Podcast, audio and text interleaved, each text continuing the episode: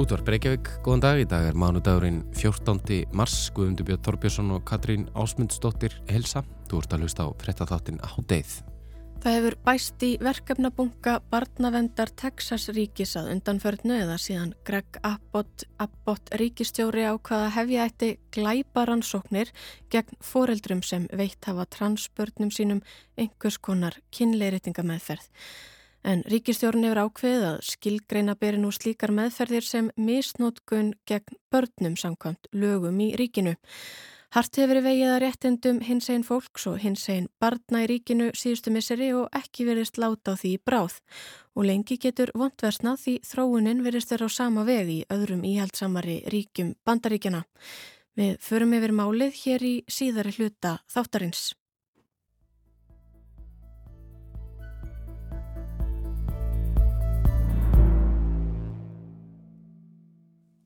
En við byrjum á stríðsátökum og þeim mikla fjölda flottamanna sem leita nú skjóls í Evrópu í kjálfar innrásar rúsa í Úkrænu þann 24. februar síðastliðin. Ströymur fólks frá Úkrænu er orðin mesti flottamannavandi Evrópu á þessari öld en næstum 2,7 miljónir Úkrænumanna hafa flúið átökin í landinum frá því innrásin hófst og undanfærin sólaring komist 100.000 á brott af stríðshrjáðum svæðum í Úkrænu.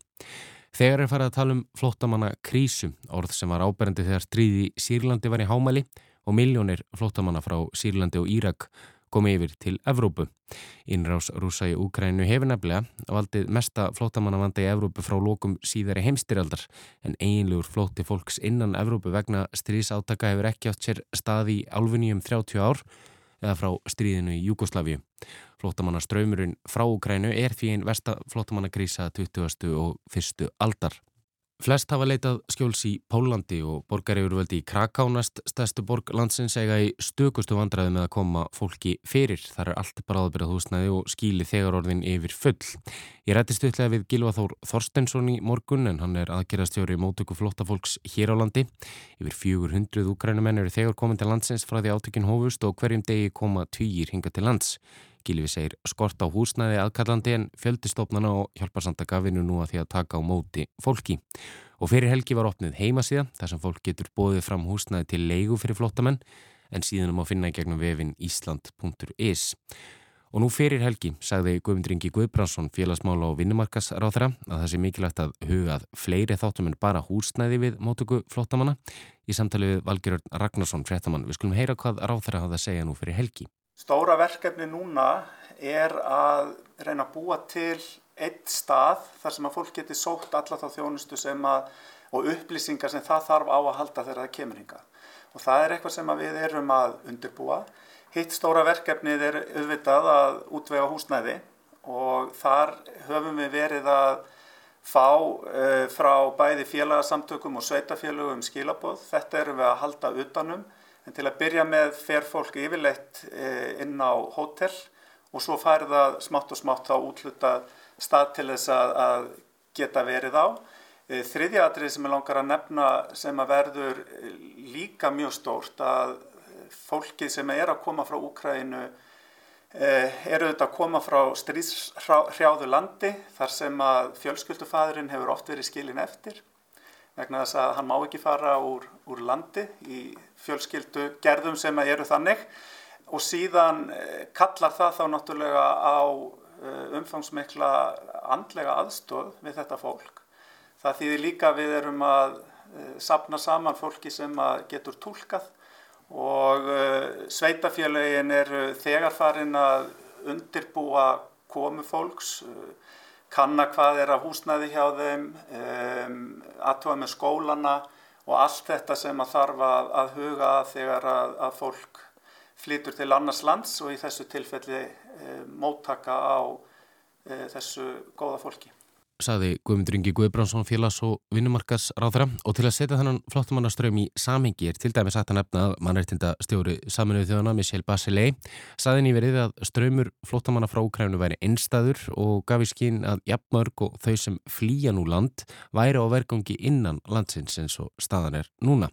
Sem sagt flottamenn innan eigin lands, fólks sem kemst ekki úr landinu.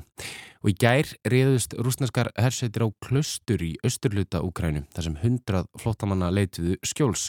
Ólútimir Selenski, fósiti Úkrænu, gerði árásnað umtalsefni í áarpi sínu til úkrænsku þjóðarinnar í gær. На сході нашої країни окупанти вирішили демілітаризувати і денацифікувати Святогірську лавру. Selenski segir hér að rússar í viðleitni sinni til að draga úr herrmætti og nazista tilbörðum innan gæsalappa í Ukrænu hafi ákveðað ráðast á Svíatorsk Lavra klaustrið, klaustur hvar aðeins munkar og hundruð flótamanna hafi haft aðsetur. Engin herrtól og ekkert hernaðlegt mannverki hafi verið nálagt en rússar hafi ítrekkað gefið þeir skinn að þeir beini árási sínum ekki að almennum borgurum heldur eina þess að brjóta niður hernaðastyrk Úkrænu. En rússar reyðust einhvað síður að klustrinu, saði Selenski og svo aðgerð ein og sér. Síni okkur, segir Selenski að hugmyndafræði rússa og allt sem hún byggja á sé líf, sagði hann að lókum. Það er erfitt að segja til um hver áhrif flótamannarstörmsins verða en ljóst er að þau munu vara í mörg ár. Meiri hluti flótamanna hefur eðlumálsins sangant leita skjóls í nágrannaríkjum og hafa pólverjar tekið á móti fleiri úkrænskum flótamönnum en öll önnur ríki samanlagt. Önnur lönd sem tekið á móti miklum fjölda eru Rúmenía, Moldova, Ungverland og Slovakia sem á Tjekkland og Þískaland og þá hefur tölurverður fjöldi flúið til Bulgarju sömu leiðis.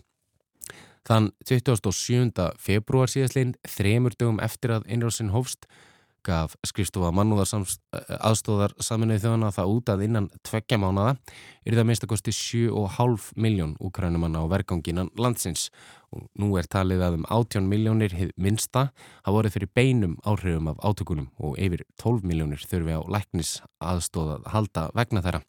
Flótamanna hjálp saminuði þjóðana telur þetta sem og aðrir vera mesta flótafólks í Evrópu frá heimkynum sínum síðan í síðari heimstyröld og viðbröð stjórnvalda viða um heim hafa verið mismunandi. Bresk stjórnvöld þau voru gaggrind harðlega upphafi átakana þegar lítið heyrist frá yfirvöldum þar í landum hvernig bæri að taka múti úkrænumunum en Boris Johnson fórsetisar á þeirra hefur nú gefið út að þau muni taka múti alltaf 200.000 flottamannum en eins og staðinu núna hafa breytar þó aðeins gefið út um 1000 vegabreysáriðanir til flottamanna. En háttegið snýr eftir strax að loknum háttegisréttum.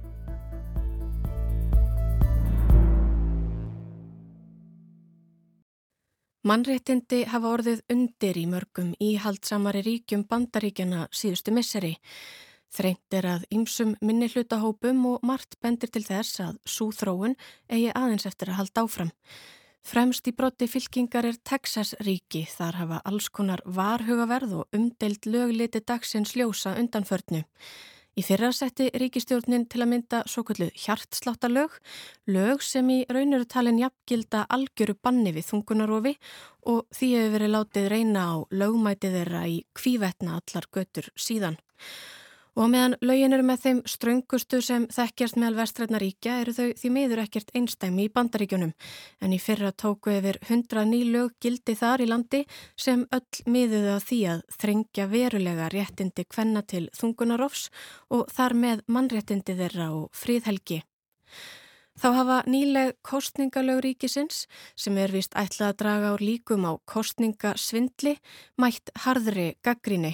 Þau eru sögð til þess fallin að draga úr mögulegu minni hlutahópa til að nýta sér kostningarétt sinn, þau dragi úr kostningaþáttöku og gangi gegn mannréttindum.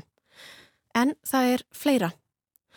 Aldrei hafa jafn mörg lagafrumvörp gegn réttindum transfólks verið lögð fram í ríkinu og í fyrra og hins einn fólks eða yfir 30. Mörg þeirra miða því að gera út um réttindi transbarna og ungmenna eða um 13 slíkar, slík lagafrumvarp til að mynda frumvarp sem hvaða á um að banna börnum undir lögaldri að breyta kynskráningu sinni. Það er að uppfæra opinber skilríki og skjöl í samræmi við kynvitund sína. Fæst þessara laga hafa þó komist alla leið í gegnum kerfið. En eitt þessara fjölmörgu frumvarpa var þó að lögum nú í janúar og með þeim hefur transbörnum verið bannað að taka þátt í starfi þess íþróttaliðs innan skólans sem samræmist þeirra kynvitund. Nú verða þau að leika með því íþróttaliði, það er að segja stúlkna eða strákaliði, sem passar við það kyn sem þeim var útluta við fæðingu og er skráði upprunalegt fæðingavottor þeirra. Þannig mætti til dæmis transstrákur með lögum ekki æfa með drengjaliði skólans vegna þess að við fæðingu var hann skráður stelpa. Hann erði því að æfa með stúlknaliði skólans. Annað sem er verðt að minnast á sem sínir kannski ágætlega hversu fárónlegu og óraunhæf þessi lög eru er flækjusteg þeirra í framkvæmt. En enginn virðist vita hvernig í ósköpunum eigi að vera hægt að fylgja þessum lögum eftir með góðu móti og skóla yfirvöld vita ekki sitt rjúkandi ráð. Því nú þarf vist að skilgreina og sannreina alla íþróttaiðkandur í skólum ríkisins eftir því kyni sem skráði er í upprunalegt fæðingavottorð og sína fram á að ekki hafi verið átt við þau frá útgáðudegi. Þannig er hægt að skilmerkilega skilmerkilega aðgreina transbörn frá öðrum börnum og aðeins þannig. Ofan á þetta bætast svo alls konar önnur vandræði og fleiri flækjur sem engin veit hvernig á að greiða úr en sem stendur virðist það til dæmis vera á færi hverjar mentastofnunar fyrir sig að ákveða hvernig tólka í laugin. Einni ber að nefna allar mögulegar lögsóknir sem þessi nýja framkvæmt býður upp á. Því miður er þessi nýju lög Texas ekki einstæmi en svipu lagasetning hefur litið dagsins ljós í fleiri fleiri rauðum ríkjum bandaríkjana, meðal annars í Flórida en þar samþykti Rondi Santis ríkistjóri ögn sértækari lagabreitingu en þar er aðeins transstúlkum bannaða keppa það er með kvennaliði sínskóla og taka þátt í öllum íþróttagreinum. Og svona heldur mismununin áfram. Greg Abbott, ríkistjóri Texas, fyrirskipaði barnavendar yfirvöldum ríkisins í liðnu mánuði að rannsaka fjölskyldur barna sem hefðu fengið einhvers konar meðhöndlun til kynleiritingar. En hvers kyns leiritingameðferð, hvort kynleiritingameðferð, hvort sem það er aðgerð, hormonagjöf eða önnur livjagjöf sem miður að því að hæja á kynþróska, telst til misnótkunar barna samkvæmt lögum ríkisins eða samkvæmt tólkunar abbott á þeim.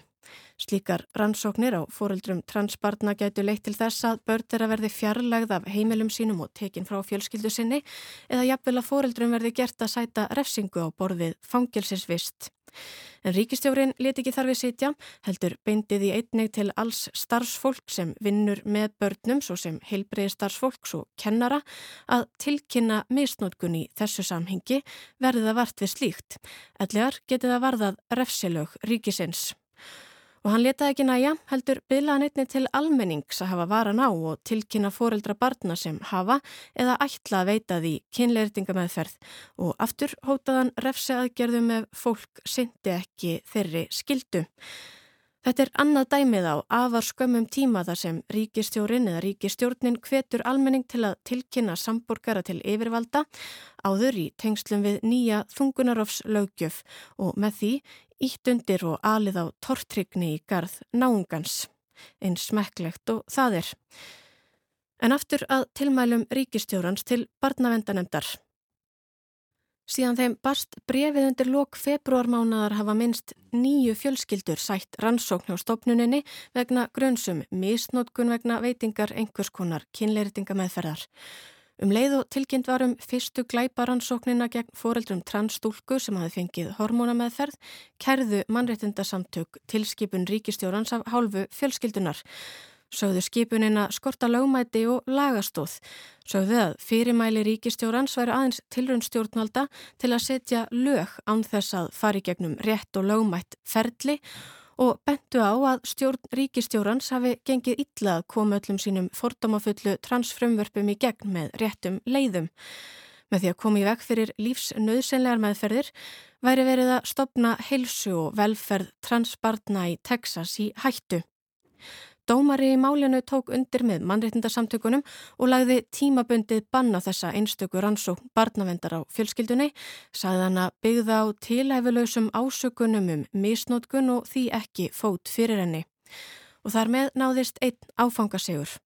Sá næsti kom svo undir lok síðustu viku en þá lagði dómari tímabundið bann við slíkum rannsóknum barnaverndar í ríkinu öllu og kom þar með í veg fyrir að rannsóknir gegn fjölskyldunum nýju næðu fram að ganga að minnstakosti að svo stöttu og að fleiri slíkar bættust við. En við málaferlinn kom í ljós að starfsmönnum barnavendar hafi verið sagt að rannsaka mál gegn fjölskyldum transbarna líka þóttu hefðu engan grunum að misnótkun hefði átt sér stað. En hart hefur verið tekist á um lögmæti og lagast og tilskipunar abbott ríkistjóra innan domstóla og utan En til dæmis gæti tilskipunin þýtt að Texas verði af meira en miljardi bandaríkjadala styrk frá allríkinu. En ríkistjórn Joe Bidens bandaríkjafósetta hefur sagt skipunin að ólögumæta samkvæmt allríkislögum. Það megi ekki neyta neinum um heilbriðist þjónustu á grund, grundvelli kyns en það fylgir það í sér mismunun. Í kjölfarið kærði ríkistjóri ríkisaksóknari Texas bandaríkjastjórn Hann segir þau ekki hafa valdið yfir stefnu ríkisins í fjölskyldu og félagsmálum eða skilgreiningavaldi yfir því hvað teljast til misnótkunar gegn börnum innan ríkistómstóla Texas. En ríkissaksóknarinn er einmitt sá sami og í raun hóvalla þessa hörmungar atbyrðarás. Tilskipun ríkistjórans kom nefnilega í kjölfar þess að saksóknarinn gaf opinberlega út það óbindandi lögfræði áleitt sitt að hægt væri að flokka hverskins læknismeðferðir sem hefði þann tilgangað hjálpa transbörnum að leirita kynsitt sem misnótkun samkvæmt ríkislögum aftur að hans áleiti. Í sömu skoðanagrein flokkaði hann kynleiritinga skurðaðgerðir sem þvingaðar ófrjósemisaðgerðir, merkilegt nokk. En orðræða ríkistjórans og saksóknarans hefur verið gaggrínt fyrir að vera hræðslu taktík. Að nöðsynleg læknistjónusta minni hluta hóp sé notur sem vopn í stjórnmálalegum tilgangi. En eins og ferlinu er hagaði Texasríki að svo stöddum eiga ungmenni alla jafna ekki gangast undir slíkar kynleiritinga aðgerðir. Þau fá fyrst félagslega aðstóð, svo hugsanlega liv sem hægja á kynþróskanum og síðar meira á ferlinu þegar eitthvað er liðið á táningsárin fáðu hugsanlega hormonagjöf, sé það metið viðjandi. En vart þarf að taka fram þær hræðilegu afleðingar sem aukin mismunun eða þrenginga réttindum þessa viðkvæma minni hluta hóps sem þegar stendur í ströngu í samfélaginu gæti haft. Til dæmis hafa heilbreyðstarfsmenn bent á rannsóknir sem sína fram á hvernig kynleiritinga meðferðir geti bjargað mannslífum en það dragiðar úr líkum á þunglindi og sjálfsvígum meðal þessa hóps sem almennt er í meiri hættu á slíku en gengur og gerist. Þar á ekki hafa Ímis mannreyndarsamtök og samtök hins eginn fólks bent á að aðgerði stjórnvalda íti undir hættuna á útskúfun, einelti, áreiti og ofbeldi gegn þessum samfélagshóp sem þegar mætir miklum fordómum í samfélaginu, mismunun og ofbeldi sem sífelt færist í aukana í ríkinu.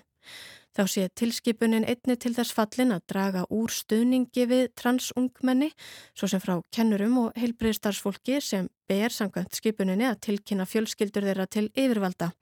En rannsóknir síni einni að stuðningur við transbörn geti haft umfangsmikil áhrif á andlega heilsu þeirra. Heilsa, öryggi og velferð hins einn barna sé undir.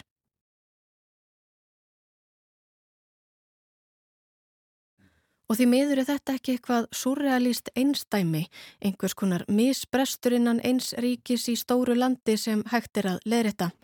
Þróunin er sveipuð víða í íhaldsamari ríkjum bandaríkjana en undanfarin ár hefur meira og meira borið á lagafrömmvörpum frá íhaldinu sem miða því að þrengja mannréttindum minni hlutahópa og jaðarsetja þá og auka eftirfylgni með þeim. Ungs hins einn fólks þar á meðal og því miður má segja að um eiginlegt trend sé að ræða. Fordæmi eru sett í kvívetna.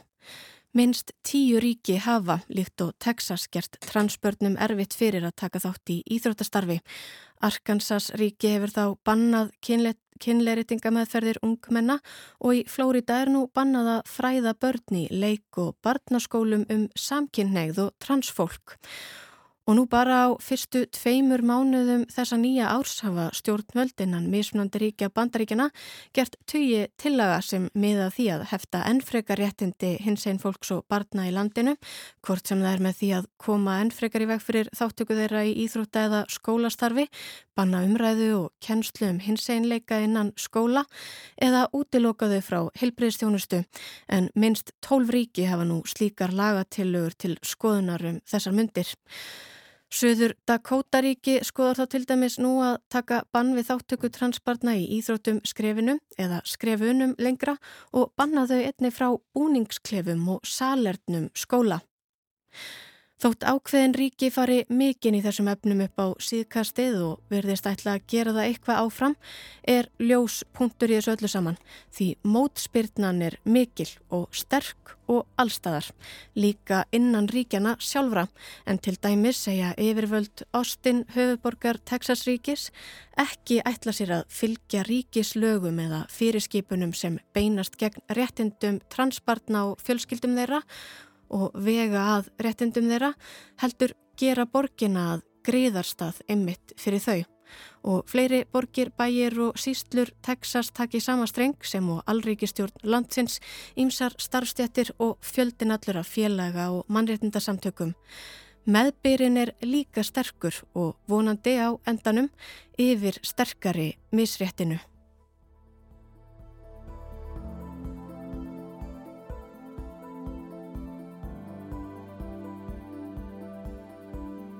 Hádegið verður ekki lengra í dag, við verum hér aftur á sama tíma á morgun þennan þátt og alla hérna er þetta líða á í spilarann á rúf.is og á öllum helstu hlaðvarpsveitum. Það var þetta að senda okkur ábendíkar á neittfangið hádegið hjá rúf.is. Verðið sæl.